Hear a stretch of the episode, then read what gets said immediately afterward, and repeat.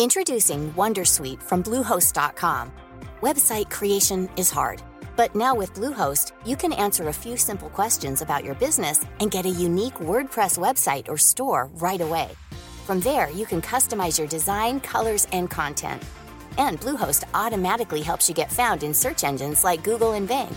From step-by-step guidance to suggested plugins, Bluehost makes WordPress wonderful for everyone. Go to bluehost.com/wondersuite. Hey Dave. Yeah, Randy. Since we founded Bombus, we've always said our socks, underwear, and t-shirts are super soft. Any new ideas? Maybe sublimely soft. Or disgustingly cozy? Wait, what? I got it. Bombus. Absurdly comfortable essentials for yourself And for those facing homelessness. because one purchased equals one donated. Wow, did we just write an ad? Yes. Bombas. Big comfort for everyone. Go to bombas.com slash ACAST and use code ACAST for 20% off your first purchase.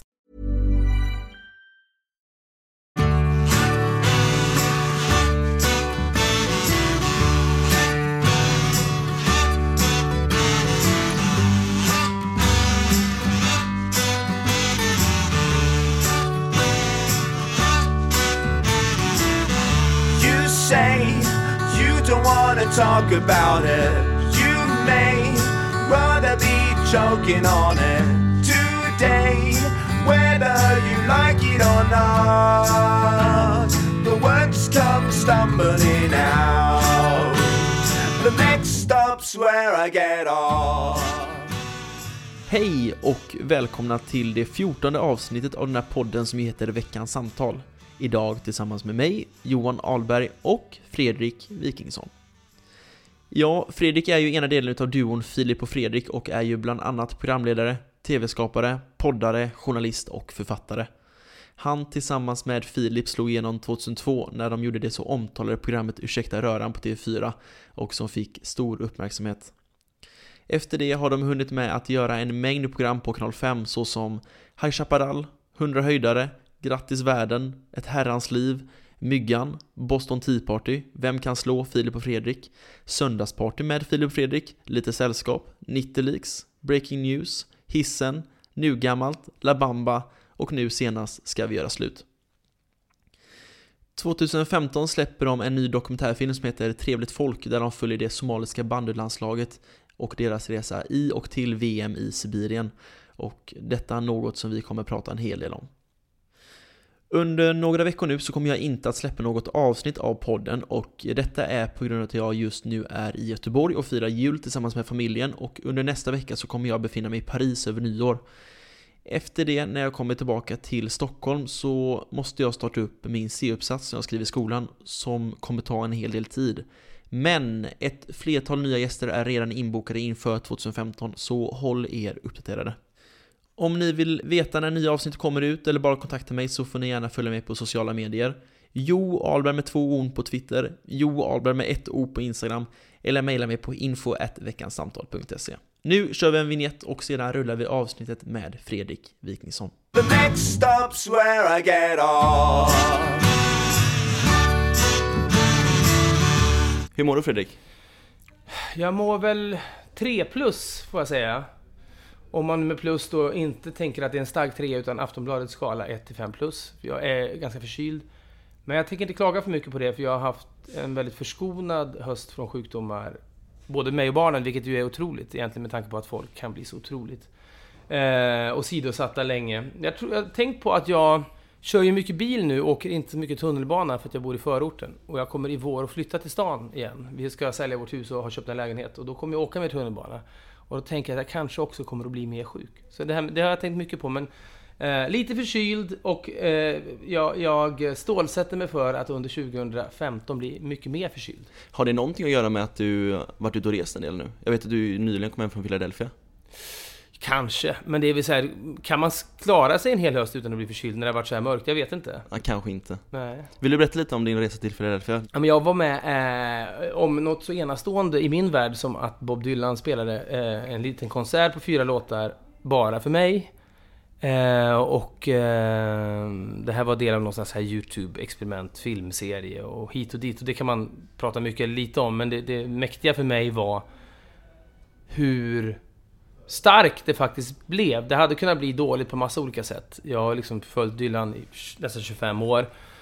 Och jag har sett massa spelningar, jag har läst alla böcker, alla skiv- Alltså jag har tänkt så fruktansvärt mycket på honom, skrivit texter om honom och sådär. Alltså det kunde blivit väldigt dåligt med tanke på hur, hur otillgänglig han kan vara, hur, hur oskön han kan vara på scenen. Och det skulle bli ännu mer påtagligt om han hade varit oskön mot mig när jag var ensam där. Det är, om man är bland liksom 3500 andra människor och han är lite oskön, då, då liksom späs det där ut mellan människorna på något sätt.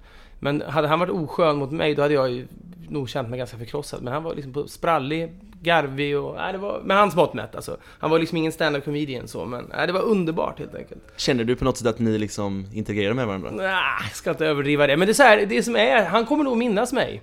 Han kommer minnas gången när han spelade en spelning för bara en snubbe. Jag tror att han tyckte om, kanske om jag ska analysera det här, bortom det jag egentligen har rätt att göra, att, att jag bara satt där och inte sprang fram till scenen och bad om massa selfies och autografer och sånt, utan bara jag var respektfull och tyckte att musiken var vad jag var där för och den lät fantastisk. Jag såg till att berömma hans band. Och, nej, jag, jag tror jag skötte mig fan i mig där alltså. I den här stora stunden. Grace under pressure. Men alltså jag, jag älskar ju Bruce Springsteen exempelvis. Alltså om jag skulle vara med om ett sånt ögonblick, det skulle, jag skulle nog bryta ihop tror jag. Ja. Och jag såg, jag såg filmen på det, jag vet att du inte har sett den efteråt va?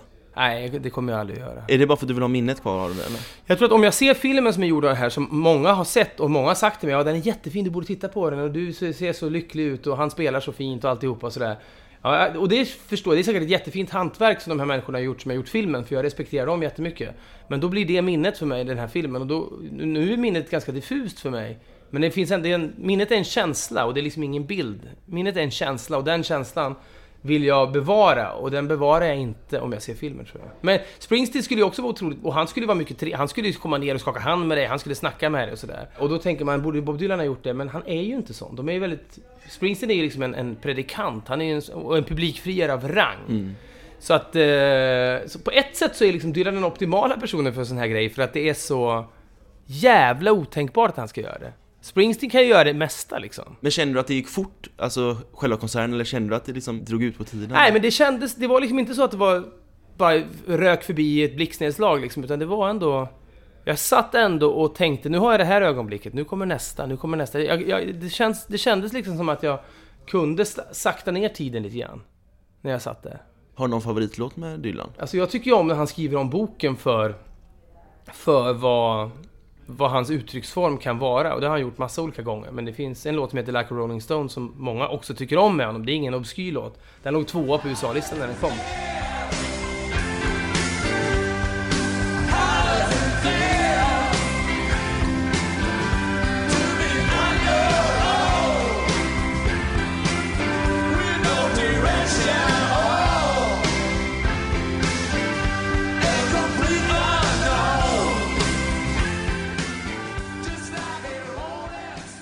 Men det han gjorde där var att släppa liksom en, en popsingel som dels var sex och en halv minut lång och då låg över två sidor på vinylskivan så att DJ sen fick spela den, fick de vända på den och spela andra halvan. Och det var ju ovanligt då. Men sen är den också fruktansvärt bra och, och handlar om saker som, som popsinglar på den tiden inte handlade om. Så att den är ju otrolig. Men jag vet inte, om man, om man är nybörjare med Dylan och ska lyssna på en låt för att se, gillar jag honom eller inte? Då är jag inte säker på att det är den låten som får den att fastna, för den är ganska lång och den maler på och sådär. Då kanske det finns andra som... Typ Hurricane? Ja, den är också lång. Ja, den kanske den är ju tillgänglig för den, låter, den är radio-friendly på något sätt. Men den är också jävligt lång och, och så böljande. Jag vet inte vad... Problemet är jag vet liksom inte vad som är en första låt med honom. Det finns en låt som heter Girl from the North Country som, är, som han skrev när han var 20 som handlar om hans ungdomskärlek då. Och den är också fin, men den är inte till... Om jag har spelat den för folk och märker att så här, den är ett långt munspelssolo precis i början som låter jättemärkligt. Det finns nästan ingen sån där... Min första låt jag hörde med honom var en låt som heter The Times They Are Changing. Come gather round people wherever you roam and admit that the waters around you have grown. Accept it that soon you'll be drenched to the bone. If your time to you is worth saving, then you better start swimming or you'll sink like a stone. For the times they are changing. Han förutspådde att hela 60-talet skulle bli en omvälvande tid och det var vad den där låten handlade om. Eh, och den var en väldigt bra introduktion för mig. Men det är inte säkert det är för alla heller. Men hur blev du så besatt av Dylan då? Nej men jag såg en dokumentär på TV, när jag visste ingenting om honom, jag hade aldrig hört honom. Och så var jag väl, vad kan jag ha varit då, 16-17 så, um, så kom min farsa in och tipsade om att nu började en dokumentär om Bob Dylan på TV, den kanske du kan kolla på. Så kollade jag på den, och då spelade han i den, då var hans stora hit The Times They Are Changing, så den återkommer liksom i filmen. Och tyckte den var stark. Och att han var väldigt karismatisk i filmen. Den här filmen heter Don't Look Back, ligger väl på nätet säkert. Eh, och han var så otroligt kaxig och cool i den. Så dagen efter så gick jag och köpte en skiva och sen, eh, ja, sen så har jag faktiskt aldrig slutat lyssna. The next stop's where I get off. Om du själv skulle få beskriva vem Fredrik Wikingsson är, hur skulle du beskriva dig själv då? Det är alltid fint när man hör människor säga, när de får den där frågan, så utgår de alltid från pappa. Pappa till två döttrar, gift. så här. Och men det är jag ju inte för gemene man. För gemene man är ju liksom en, en antingen är man med På spåret och sitter och liksom... Det, är där, det finns många människor som kan se en. Eller så är man TV-skapare, eller så här, som skriver, gör, gör program för Kanal 5, eller så skriver man lite artiklar ibland och lite böcker ibland och sådär. Men framförallt är jag väl... Jag försöker väl... Det roligaste jag vet tillsammans med Filip, det är att berätta saker. Antingen för varann, som i en podcast, eller för tittare eller sådär i, eh, i TV-program. Så att, så här, eh, I bästa fall en underhållande berättare. Du förknippar ändå dig själv med ditt yrke, mer än ditt privatliv. Ja men grejen är att det är klart att man, man har ju, det är ju lika starka delar av ens identitet, men att säga att man är pappa, ja det är ju sjukt många som är det. Så att det, är, det blir ju genast mycket vagare. För mig är det jag vet ju vad jag är för pappa. Det är tydligt för mig vad jag känner för mina döttrar, vad jag känner för min fru och allt det som är mitt, mitt familjeliv. Men jag, jag, jag, personligen, det kan vara det också, jag tycker alltid det är väldigt tråkigt att höra folk berätta om att de är pappa och att de är Eh, om sin familj. Jag har aldrig intresserat mig för det överhuvudtaget. När jag hör andra människor prata, och det gör väl att jag har varit extremt vill det att prata om det. Absolut inte så att jag är svår och att privatlivet är heligt och sådär. Jag kan berätta hur mycket som helst om det. Jag vet bara inte hur... Jag tror att jag har lite prestationsångest när jag svarar på frågor och tänker var, varför ska folk bry sig om det jag säger? Ska jag då säga någonting om min familj, då får jag se till att säga något jävligt unikt om dem. Och det tycker jag kanske inte att jag är så bra på. Sen säger jag inte heller att det jag sitter och säger om mitt yrkesliv är så jävla unikt. Men det är åtminstone, det finns åtminstone bara en Fredrik Wikingsson som gör precis det jag gör i den här mediegeggan som vi befinner oss i. Men både du och Filip är väl ganska unika ändå?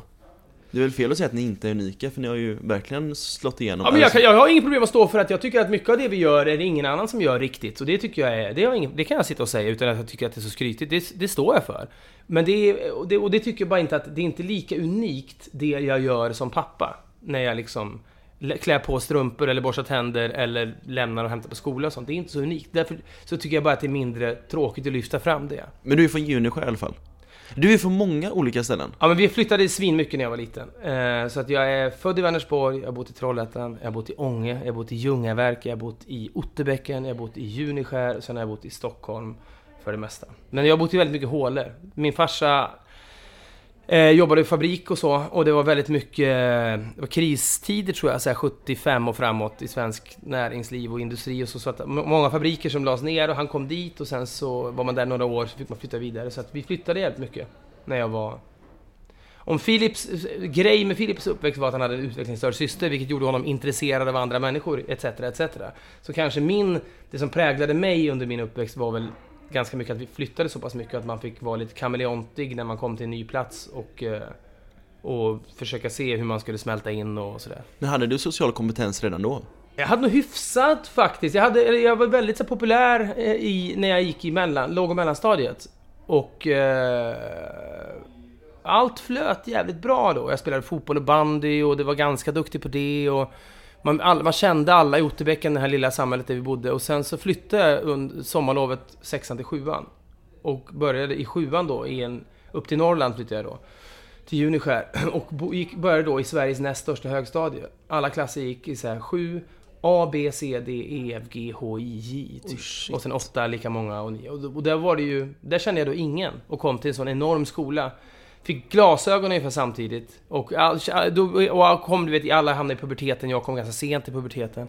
Alla, det var som, när, man, när man stod i närheten av en nia, när man själv gick i sjuan, då Det kändes det som att man stod bredvid människor i en annan generation. Liksom. Då tappade jag jävligt mycket swagger och liksom... Eh, Jag var så jävla poppis och det, jag nästan med, med, med så här sex, sjätte med, ganska cool och allt flöt ganska bra. Men då kanske man också, då kan man tänka så här, fan vad jobbigt att flytta från det. Och men då fick man börja om från scratch och då kanske hade man blivit lite mätt och nöjd och varit lite coolast i sjuan i den här, jag vet inte. Jag tror att det är bra att riva upp rötterna ibland. Men var du duktig i skolan också? Jag var ja, hyfsad. Jag var, absolut, jag var inte så talangfull. Jag, jag, jag pluggade ganska mycket. Jag, var ganska, jag hade ganska mycket prestationsångest och sådär. Har du fortfarande det? Ja, gud ja. Det har jag jämt. Ja, men alla nya projekt och sådär. Man har sli- dels för att man har slitit med dem. Nu har vi hållit på med en film i 18 månader som ska upp på bio i slutet på januari. Det är ju jättemycket prestationsångest med den. Man vill liksom... Inte bara för ens egen skull, utan även för att de man har skildrat så länge ska känna... Vi visade film, vi gör en film om ett somaliskt bandylandslag. Och vi visade den filmen i fredags för de som är med i filmen. Spelarna, funktionärerna och sådär. Och ja, det var nog sämsta jag mått på hela året när jag stod utanför den här filmvisningssalen och de skulle titta på den. Det var hemskt. alltså. Är det för att du är rädd för att de inte ska gilla det eller? Nej men dels det. Sen är det ju så att det är speciellt att visa en film för människorna som är med i den, för de kommer tänka på saker som, det vet jag själv det fan vad tjock jag är i den här bilden, varför har jag på mig den där tröjan? De ser inte filmen som andra ser den. Men det jobbiga med, framförallt när man, när man skildrar människor från andra kulturer, kan också vara att man inte kan förutse vissa reaktioner, för att de kan också komma på grund av kulturskillnader. Att man inte vet om att det finns en oskriven lag i Somalia, att man inte filmar folk som ber kanske, du vet. Vi vet ju inte sånt, så därför kan man inte vara kaxig och säga det här kommer de att älska.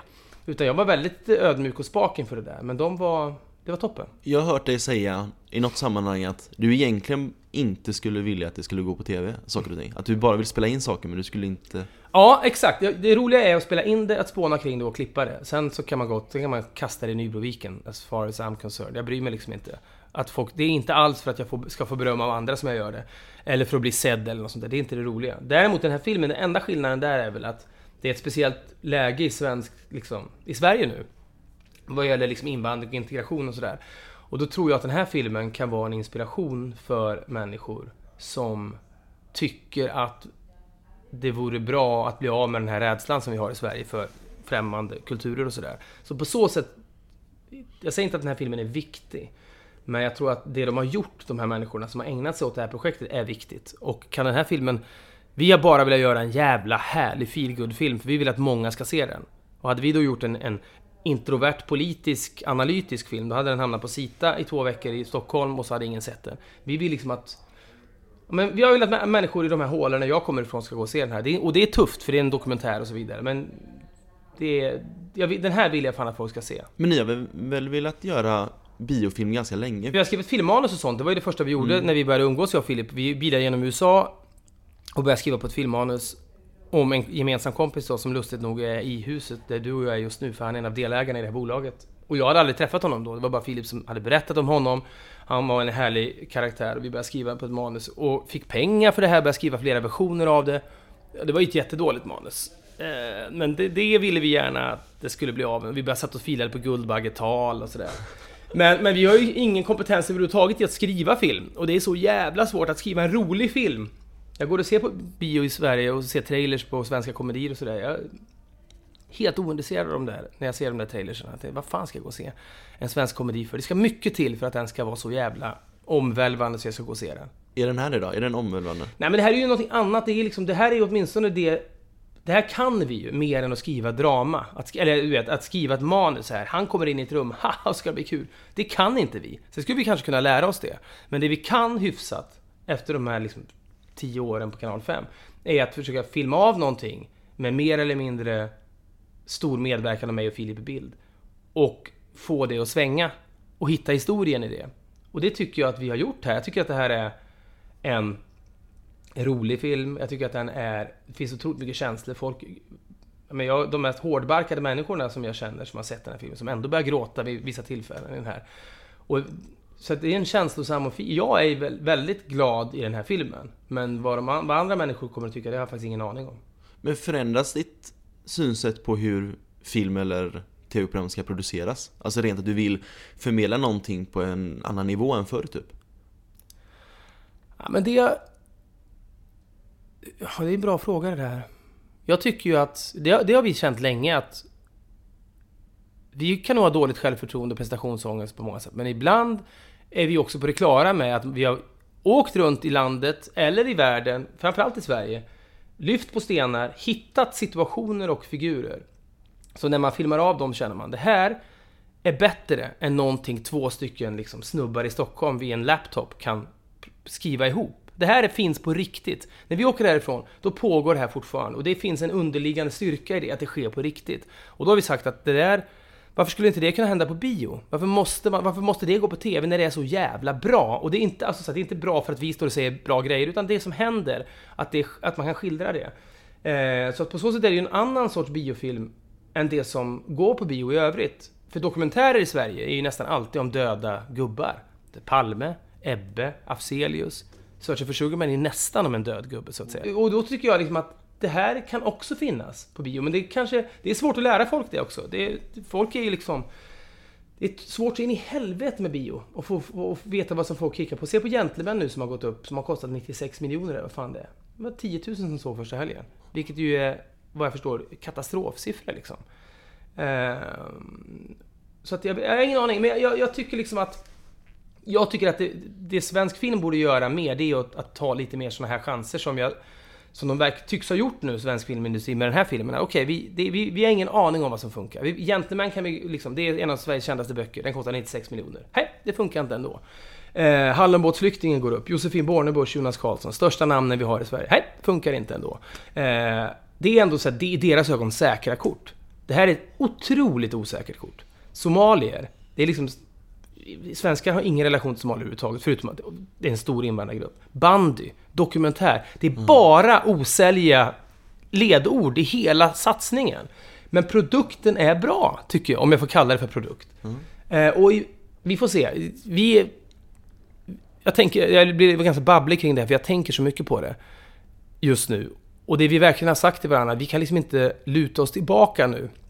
För att vi tycker att det är en bra film vi måste ägna hela liksom, januari och lanseringen åt att verkligen övertyga folk om det här. Det går inte att tjata in folk i salongerna. Men det går heller inte att bara luta sig tillbaka och tänka äh, det här löser sig självt. För det är assvårt. Vi måste liksom tänka på hur vi ska kommunicera den här filmen när man gör intervjuer och sådär. Liksom... Men hur stor del tror du att du och Filip är i det? Just i liksom marknadsföringen för den?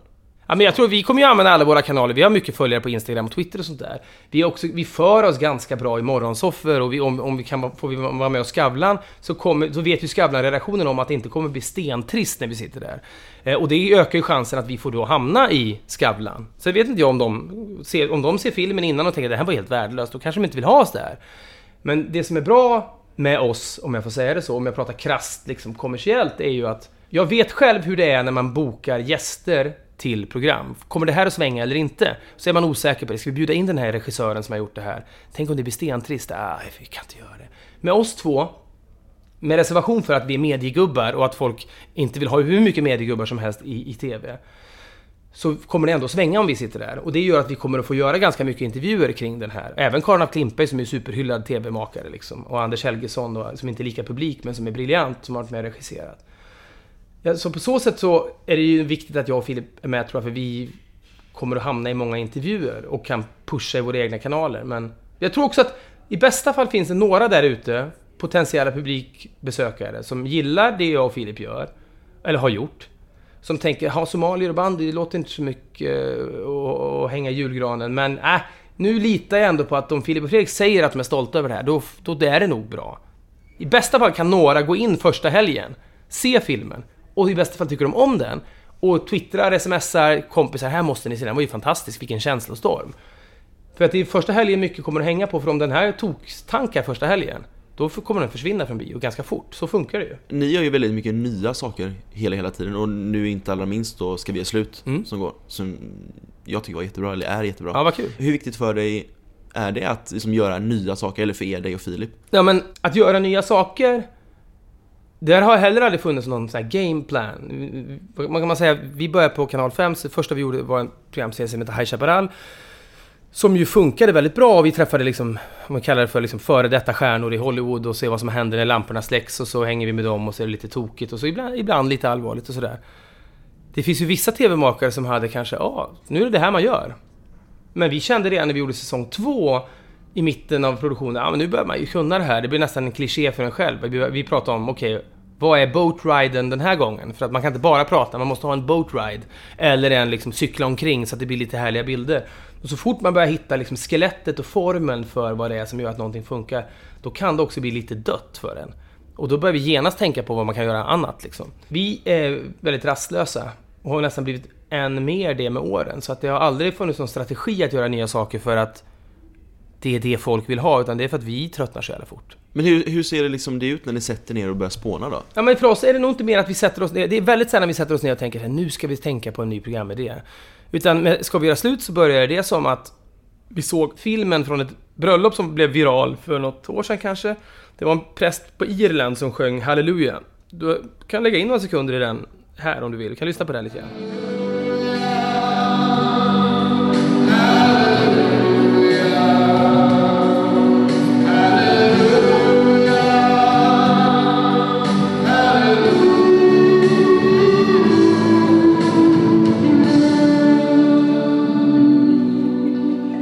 Såg du det klippet? Han står och sjunger Halleluja. Just det. Ja, och så sjöng han så jävla bra, akustiken i kyrkan och så klipper de till bröllopsparet som står och gråter och de här i kyrkbänken vi Fan vad starkt det där är, alltså det är någonting med bröllop.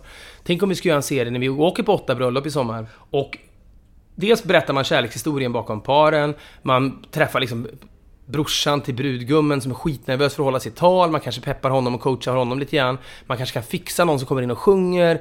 Du vet, så man får det här gåshudsögonblicket. Det är fan vad härligt. Så var vi liksom, var jävligt inne på ett kärleksprogram och så här happy endings och sådär. Men så var det någonting i oss som bara så fan det är också någonting som är lite slätstruket med att det bara är så jävla lyckligt hela tiden. Sen kan man säkert liksom gräva fram någon misär i det där också, att det är någon anhörig som inte har kunnat komma för att liksom hon dog året innan. Det kan, om man nu låter krass och liksom kalkylerande här, men det skulle man säkert kunna få in. Men det var någonting i det som bara... Man kände att det var som att man hade, överdoserat på socker redan man innan man ens hade börjat spela in. Fan vad gulligt det här kommer bli, fan vad puttinuttigt. Okej, men om vi tar motsatsen till bröllop, vad är det? Ja, men det är när det, när det skaver. Och det har, kan man ju känna igen i själv om man är i en relation, man har varit i relationer så här, När man är i det här läget, fan är det värt att hålla ihop det här eller inte? Där finns det ju någonting mer, kanske, att berätta om än bara lycka. Och då bara whoosh kastade vi ut det gamla, som redan var klart. Kanal 5 hade redan beställt det. Så ringde vi upp dem och sa äh, nu, nu vill vi nog göra ett annat program istället. Alltså, vi älskar ju dem på Kanal 5 på det. det ibland får vi krönikörer som skriver de borde vara på SVT, Filip och Fredrik. De gör SVT-lika produktioner och så SVT som bra plats och sådär. Det är det kanske. Men det, man fan inte får glömma bort med Kanal 5 att vi kan göra sådana där saker. Vi kan ringa någon så här, två veckor före inspelningsstart och säga nej, vi har skickat det där programförslaget. Nu vill vi göra raka motsatsen. Och så säger de okej. Okay. Så ringer de tillbaka tre timmar senare. Nej, men vi litar på er. Så att det är ju asmäktigt. Men ofta är det så idéer föds, att man kanske är... Man har någonting. Åh! Tårar på bröllop, det är starkt. Det finns mycket där. Okej, men efter ett tag inser man att tvärtom, där finns det också någonting. Så att det är mer så. Recensenter har ju kallat er för att ni gör mobba-tv och sådär Mm. också. Hur känns det kring det? Alltså den kritiken liksom? Men så här, man kan aldrig... Man kan liksom egentligen inte tycka så mycket. Det, det värsta är, så, det enda jag kan bli förbannad på, det är ju liksom när recensenter säger de åker dit och är ironiska. N- När de, när de tillskriver en känslor och avsikter man inte har. Och det, kan de, det vet de inte om. De kan skriva så här, det känns som att de åker dit för att mobba. Ja, då, det är fair enough, då har vi kommunicerat det dåligt. Eller så har de en felaktig Hej, jag Ryan Reynolds. På Mint Mobile, we like to do the opposite of what Big Wireless does. They charge you a lot, we charge you a little. So naturally, when they announced they'd be raising their prices due to inflation, we decided to deflate our prices due to not hating you. That's right. We're cutting the price of Mint Unlimited from $30 a month to just $15 a month. Give it a try at mintmobile.com slash switch. $45 upfront for three months plus taxes and fees. Promo rate for new customers for limited time. Unlimited more than 40 gigabytes per month. Slows. Full terms at mintmobile.com. Introducing Wondersuite from Bluehost.com.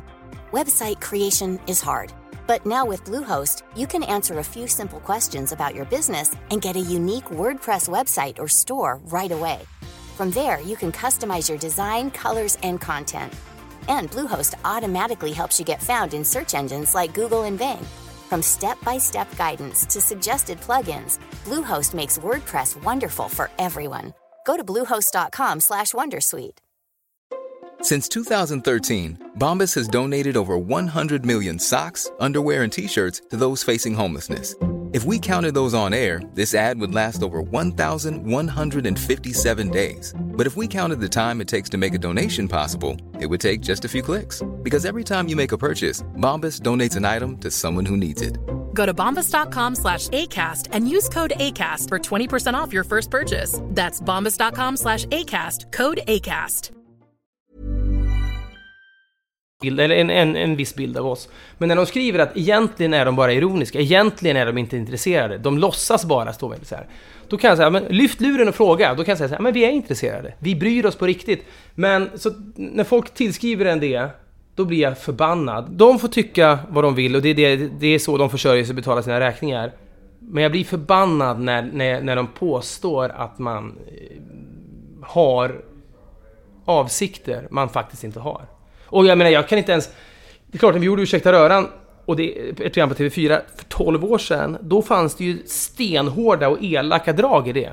Men var inte det kommunicerat från kanalen också, att det skulle vara det? Ja, men det kan ju... Det, det kan inte jag skydda mig bakom. Det måste jag ju som upphovsman stå för vad jag gör, och det gör jag också. Så här, då, vi fick frågor där liksom att, tycker ni att det är schysst mot den här och den här personen att ni gjorde det här? Och då sa vi så här, ja, det är klart att det inte är schysst, men det är kul.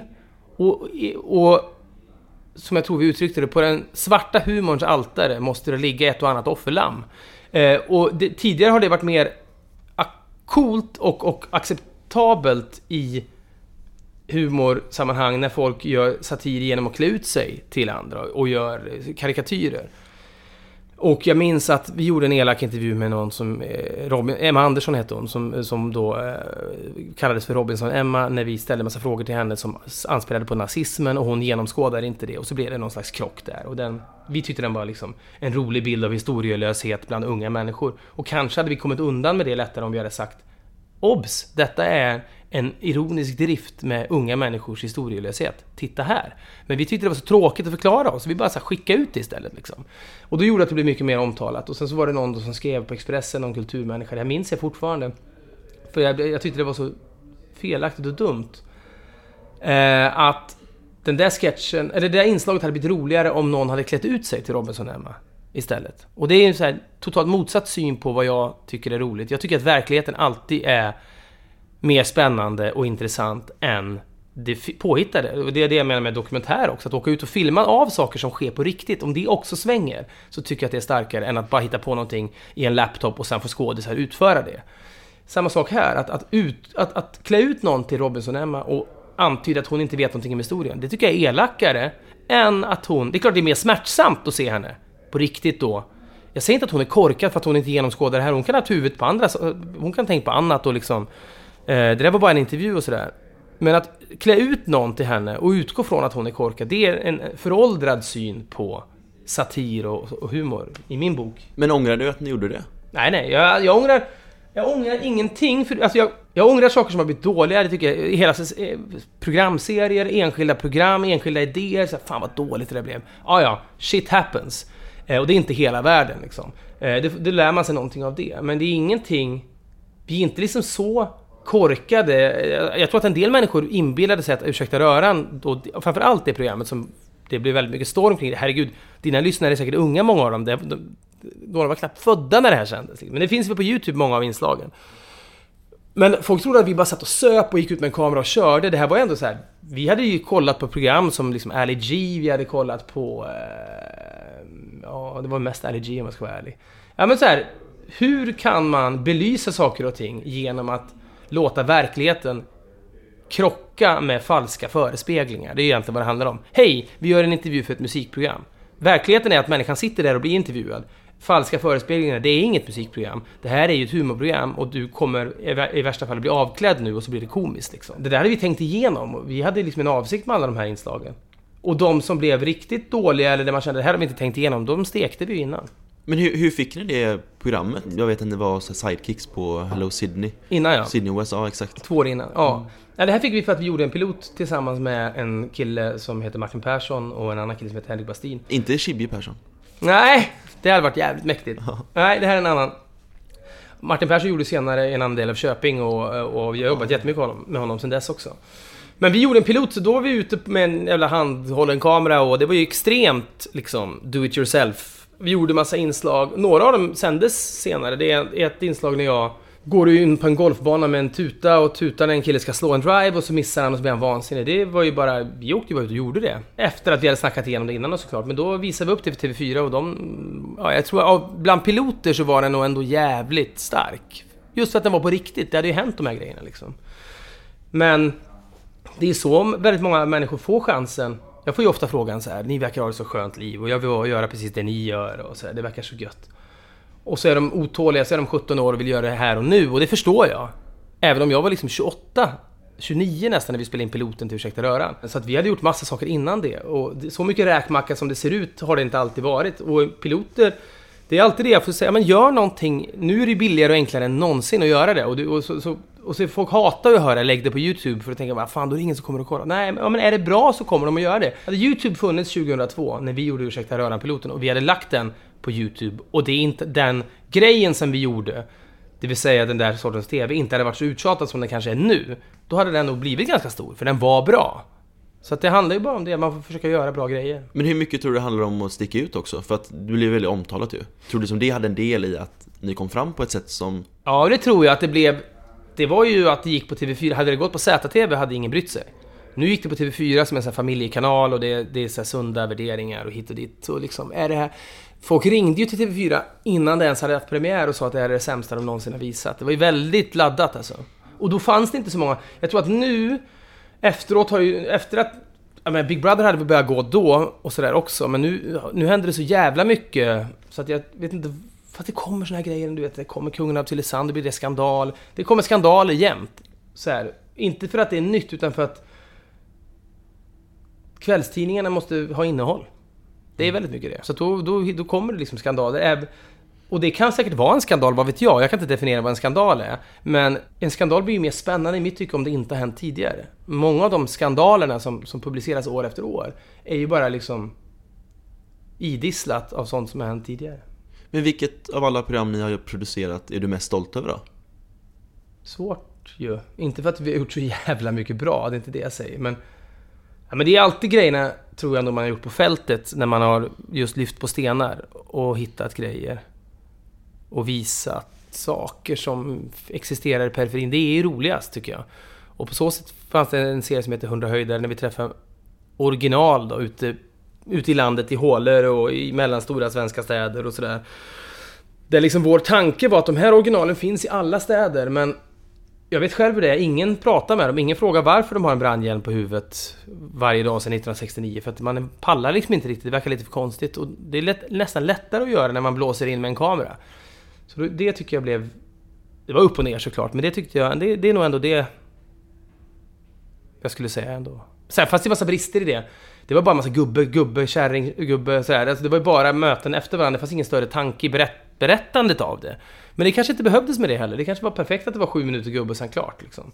Men det tycker jag nog var kul att vi gjorde. Sen finns det, ja, det finns andra, jag är stolt över ganska mycket grejer. Men, och på samma sätt som jag är föraktfull med mycket. Men ja, på något sätt gillar jag det. Hur är det att vara så tätt sammankopplad med en annan person som är Filip?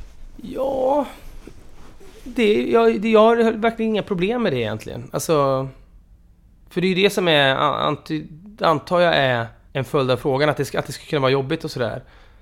Men jag tycker inte det. Jag tycker att det är, Jag möter också väldigt många människor som eh, jobbar med liknande saker som tycker att det är så som är avundsjuka på att det är skönt, måste vara skönt att ha någon att bolla med och liksom och att det blir mycket roligare man åker iväg till Sibirien och filmar av ett bandy-VM eller något sånt där. Det är att ha någon att dela liksom både de här minnena med och att... Ja, men jag tycker bara att det är positivt. Det är, det är bökigt ibland för att vi bor så långt ifrån varandra nu. Eh, men det kan också vara bra för jag tror vi hade slitit hål på varandra om vi hade liksom suttit ihop som, vi gör, som det ser ut som att vi gör i TV. Liksom. På vilket sätt kompletterar ni varandra då? Men han är mycket han är bättre än jag på att tänka utanför boxen om det gamla uttrycket får användas. Jag är nog bättre på att rita upp boxen, jag tycker det är gött att ha en box och sådär. Men han kommer på lite mer... Han är lite snabbare på att komma på... Ja men vad fan, vi kan ju göra någonting som är här borta istället. Han är bättre på det än vad jag är. Sen tror jag att jag kan vara bra på att liksom få lite ordning på hans idéer. Och att, att uh, vi... Lite skämtsamt och vulgärt så brukar vi säga att det är han som sprutar och jag som bestämmer när vi ska svälja. Att, att eh, det kommer massa idéer från honom och då kan jag tycka ja, mm, ja men där har vi någonting. Men vad händer om vi tar den idén och stoppar den här istället? Så att på så sätt är vi ganska bra. Och så där är det säkert med många som jobbar ihop två och två eller hur många man nu är. Att man har olika sidor av varandra som, som liksom gör att det blir bättre. Såklart, men trivs du att jobba i grupp liksom? Ja, ja, oh ja. Jag tycker det är kul ibland. Nu, jag skrev en artikel om den här Bob Dylan-konserten för Dagens Nyheter. Eh, man, han har sommarpratat, jag har sommarpratat. Det är kul att göra saker själv också. Men även då har man någon att bolla med. Då har man en redaktör eller så har man någon, eh, du vet, någon som producent som man kan... Det, det är tråkigt att existera i ett vakuum. Det, det, är kul att ha någon att studsa med. Och att, att göra enskilda saker ihop, eller eh, själv, med någon annan kan ju också vara givande för då får man ju lite nya intryck. Om jag, jag vet ju ungefär vad Filip tycker om vissa idéer. Eh, och där är vi ganska i synk på ett jävla härligt sätt. Men eh, det, skulle, det kan ju då vara uppfriskande då att studsa med någon helt annan person. Men kommer du ihåg första gången du träffade honom? Ja, det var eh, sommaren 96. Så eh, hade jag ett fast jobb på Pauls bageri, höll jag säga. Men nu blir det Håkan Hellström. Men, men sommaren 96 hade jag ett vikariat på Aftonbladet. Och eh, han hade också det. Och jag minns att det var en sån här välkomstlunch för alla vikarier. När man skulle käka någon risig pastasallad eller något sånt där. Och då satte han sig bredvid mig för att vi var liksom, ja, samma sorts figurer, vikarier på nöjet liksom. Så det var första gången. Hur var det då? Jag minns att han log väldigt mycket. Jag tror att han var lite nervös för den här nya situationen. Han var på Aftonbladet och sådär. Så att, eh, jag minns att han log väldigt mycket och sen så... Jag vet inte om det var samma dag eller två dagar senare eller något. Så, så uh, hade han fått biljetter till någon konsert. Så hade han ingen att gå med, så frågade han om jag ville gå med honom. Och då fick vi liksom en anledning att umgås utanför jobbet. Och då uh, träffades vi hemma hos honom i hans lilla lägenhet och drack otro... Jag tror vi var lite nervösa också, så här, man lite blyg inför att träffa någon ny. Så vi drack jättemycket för att skydda oss bakom det. Och sen gick vi på den här konserten och så blev det fullständigt nattsvart för oss båda. Men det var en jävla härlig kickstart. Men kände det aldrig att det klickade direkt? För vissa personer så, man känner väl att man klickar med vissa bättre än andra? Ja men vi klickade nog, men det finns också ganska mycket önsketänkande inbegripet där på så sätt att man vill ju så hemskt gärna att det ska klicka med någon. Samtidigt som man inte vill vara för tydlig med det, för det blir lite patetiskt liksom. Att så här, hoppas att vi kan bli vänner nu. Det, då blir man ju... Det, det kan ju bli obehagligt. Stalker-varning liksom. Så att... Eh, jag tror att det klickade inte riktigt på riktigt förrän vi bilade genom USA ihop. Och det var liksom ett halvår senare. Det, var, det, det kan man inte göra med vem som helst.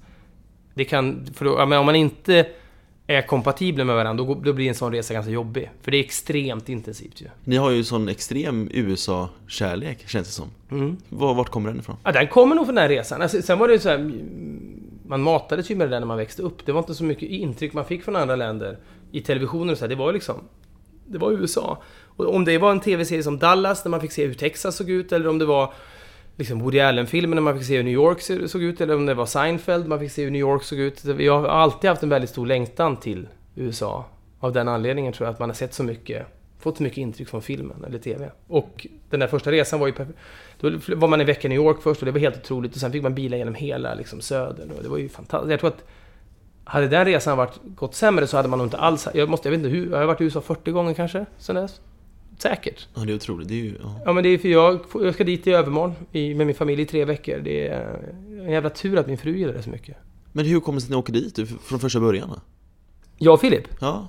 Nej men vem fan vill inte åka genom USA? Nej men jag menar, bestämde ni bara ja, nu ska vi bila genom USA? Jag kommer faktiskt inte ihåg hur idén föddes, men... Uh... Det är ju ingen liten resa liksom. Nej, nej. Men nej, jag, jag faktiskt, ja, det minns jag inte. Men att... Det verkade oemotståndligt bara. Och vi hade inte pengar. Alltså jag var ju, jag, när jag kom hem hade jag 26 spänn kvar på kontot.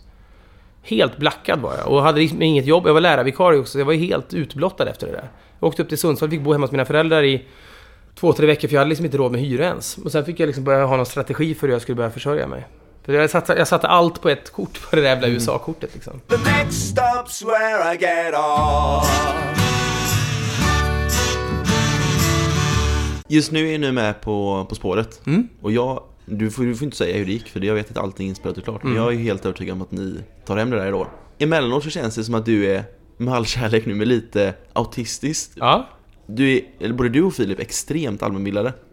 Håller du med om det? Ja, på spåret tycker jag Filip är vassare än vad jag är, ärligt talat. Vissa grejer kan, kan jag liksom pricka in.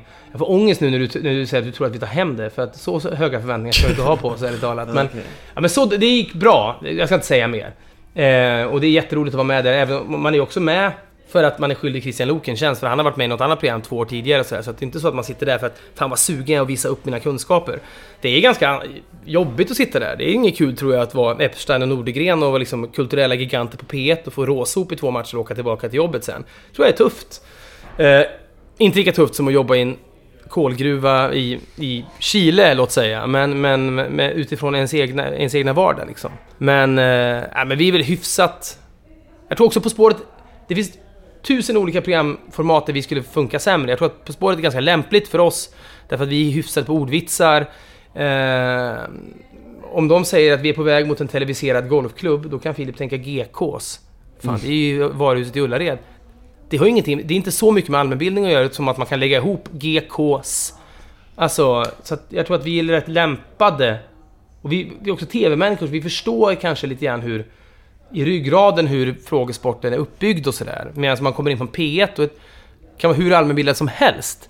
Ja, men det är inget snack om att Epstein Nordgren är förmodligen kan fler saker än vi, men de är inte lika lämpade då för... Det var två stycken som vi mötte i, i På spåret då, som vi besegrade. Men vi är väl okej, jag tror vi är, vi är okej, men vi... Eh, Men ni är ju mer allmänbildade än gemene man. Det må... Ja, det kanske vi är. Det är, det är möjligt att vi är. Men vi är, vi är väl ganska nyfikna på saker liksom. Då fastnar vi saker bättre. Hur tillskansar du information då?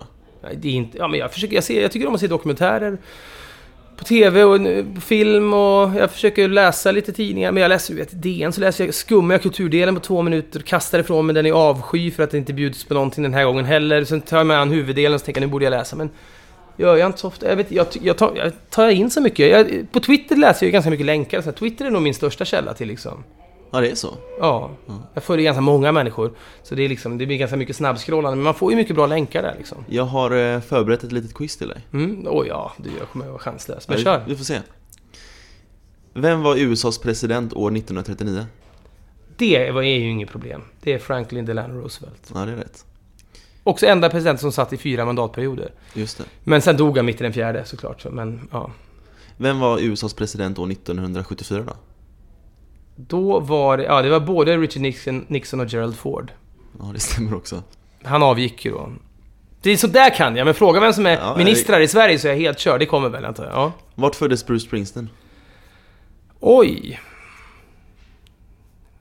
Det blir så, alltså i delstaten New Jersey antar jag, men vilken stad antar jag? Ja, men det är New Jersey var jag ute efter här. Ja okej, ja men då så. Titta, kom ihåg nu vad duktig jag är nu när, jag, när det börjar fallera här senare. Vart kommer Leonard Cohen ifrån? Kanada, och ska jag gissa stad så skulle jag väl gissa på... Montreal?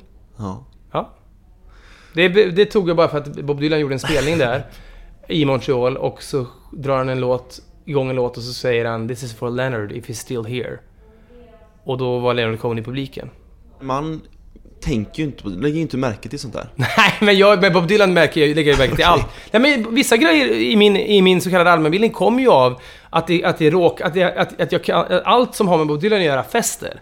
Och då kan, Bob Dylans universum kan bli ganska stort om, det, om små detaljer tillåts ta plats också. Mm.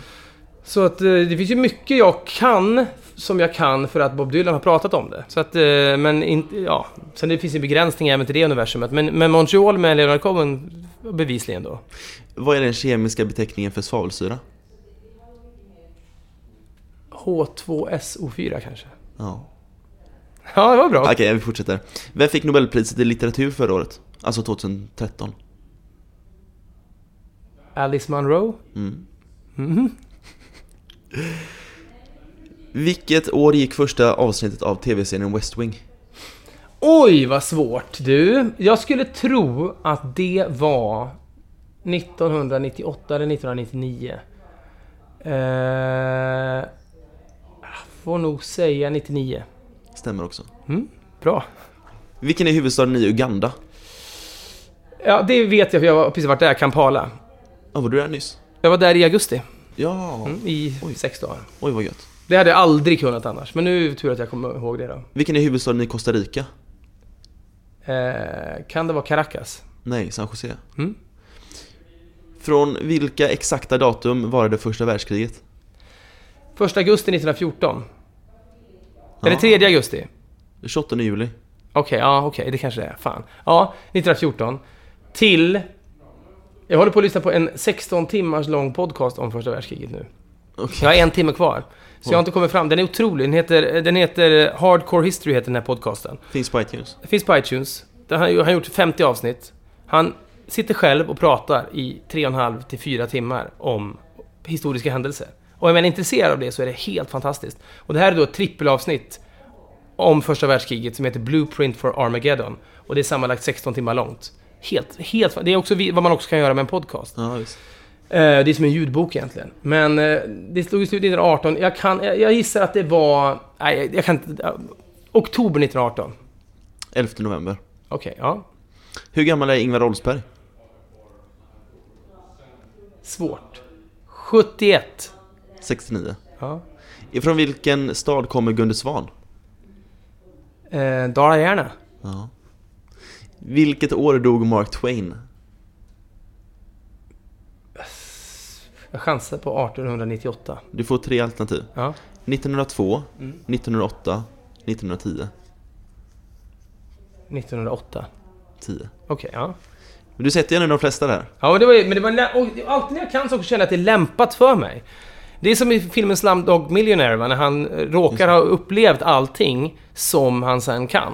Och jag tycker alltid när jag kan någonting, ja, men det är klart jag kan det. Men å andra sidan, Dala Järna har jag ingen relation till. Det är bara jag vet att han, säger, han har sagt det någon gång. Ja. Men ja, vissa grejer fastnar. Men som sagt, det måste finnas ett grundintresse där. Jag kan alltså, om du frågar mig om ministrar nu, eller till och med frågar om partiledare.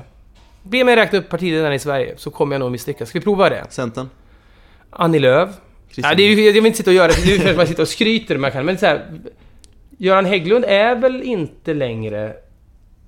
Eller är han det fortfarande? Jaha, det. Det är han. Mm. Jan Björklund. Nej, jag kanske kan dem.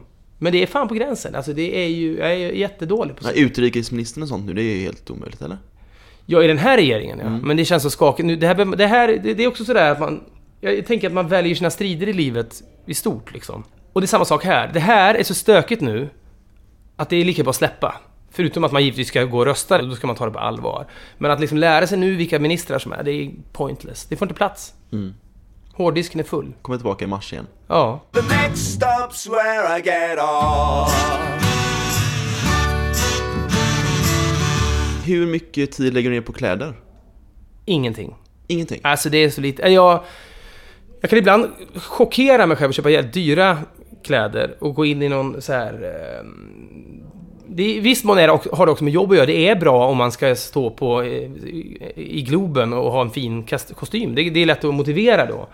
Men eh, det, jag, jag har väldigt mycket så strumpor med hål i och sånt där för att jag inte orkar. Och det värsta jag vet är att köpa brallor. Att ta av mig brallor och prova dem. Jag, blir- jag, nej, nästan ingenting. Men får ni kläder av kanal 5?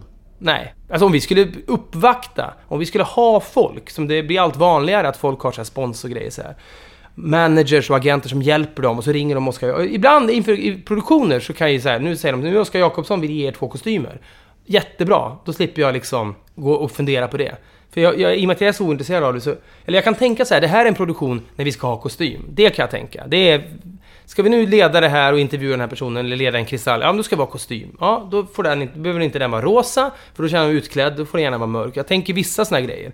Men det är framförallt att jag vill kunna koncentrera mig och inte behöva tänka på fan vad fånig jag ser ut när jag har en näsduk som sticker upp i fickan. Men sen ska man också veta, det är också, dock är det, det är sånt folk inte alls som för kvinnliga programledare. De får ju väldigt mycket objektifiering och mycket så här vidriga kommentarer och sådär. Men om Filip har en tokig frisyr, då är det det man får kommentarer om. Eller om jag har en viss sorts slips, då är det det man får. Så därför så ska, jag förstår så här nyhetsuppläsare som vill ha så diskreta så att folk ska lyssna på vad de säger händer i Ukraina, snarare än att tänka vilken jävla slips han har. Men om ni är ute på fältet då, liksom, tar du på dig det som ligger överst eller? Ja men det gör jag, och där, där, är det också, där, där kan man ändå tänka till. När vi gjorde 100 höjdare minns jag vi tänkte på det. Då pratade vi om, vi kan inte ha för snygga, flådiga kläder nu här. Vi kan liksom inte gå omkring i en Acne-kostym när vi går omkring på en åker med någon som liksom bor i skogen sedan 1959. Det blir för fånigt. Då ska man se ut som jag gör nu med jeans och en tröja bara.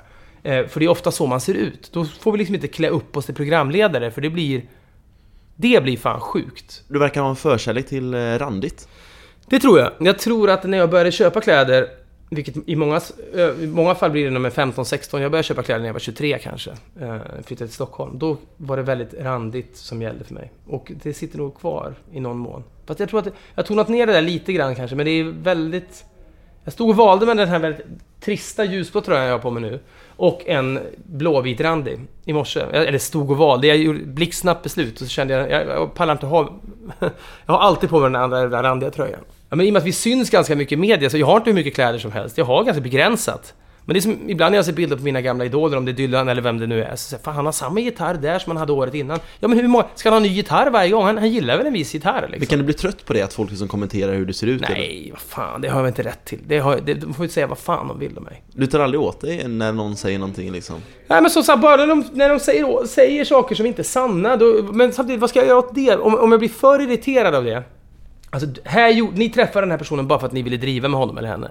Och jag inte tycker det själv, då blir jag förbannad. Men det är heller ingenting jag kan göra. Jag har aldrig liksom skickat ett mail till någon och sagt Hör du, du. Eh, så här, det, det är bara att låta det bero liksom. Mm. Är det någonting som du skulle vilja göra med då? Skriva tror jag. Att jag både skriva och uppträda live tycker jag och Filip är jävligt roligt. Det är kul att skriva om det är en bok eller artiklar eller vad det är. Det är väldigt kul. Och det är fruktansvärt kul att liksom åka runt i konserthus och uppträda. Eller om man fixar en teater och gör det liksom stationärt. Det är jävligt roligt med den direktkontakten. Men det är, det är så mycket som ska hinnas med. Ja, men det är svinkul att ha det här bolaget också. Och det tar ju också mycket tid och bör göra. Så det är ju... Får du den beskärda delen också när du typ gör företagsgig och sådär eller? Ja men jo, jag, jag, jag vet att många ståuppkomiker tycker att det är ett horjobb att göra det. Men då är det för att de gör, de går ju bara in och kör skämt som de vanligtvis kör på Norra Brunn där folk är kanske lite mer taggade. Men jag, om jag gör ett företagsgig så är jag ofta moderator eller pratar med någon och så då, då blir det ju en unik upplevelse för mig. Jag har ju aldrig gjort det tidigare. Jag tycker alltid att det är jävligt roligt. Men jag hinner inte. Jag har, jag har kanske gjort två företagsgig på hela året. Jag hinner, jag hinner liksom inte. Och det är också det där, ska man då jag reser så mycket ändå och har så mycket att göra. Ska man då vara borta ännu en kväll från barnen, då, även om det är bra pröjs, då tackar jag hellre nej till det. Är det någonting som vi inte har pratat om så du trodde jag ville prata med dem? Ja, nej, men nej, jag tycker att... Vi har väl ringat in en och annan sak här. På ett bra sätt. Tusen tack för att du tog dig tid. Du, tack ska du ha! Härligt! Härligt. Får, får vi en handskak. Lite vagt i bakgrunden där.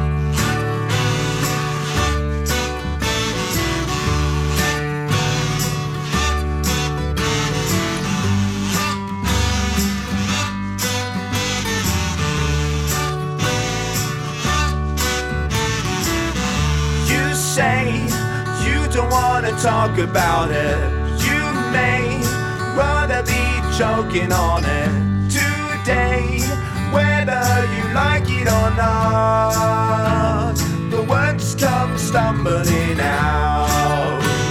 The next stop's where I get off.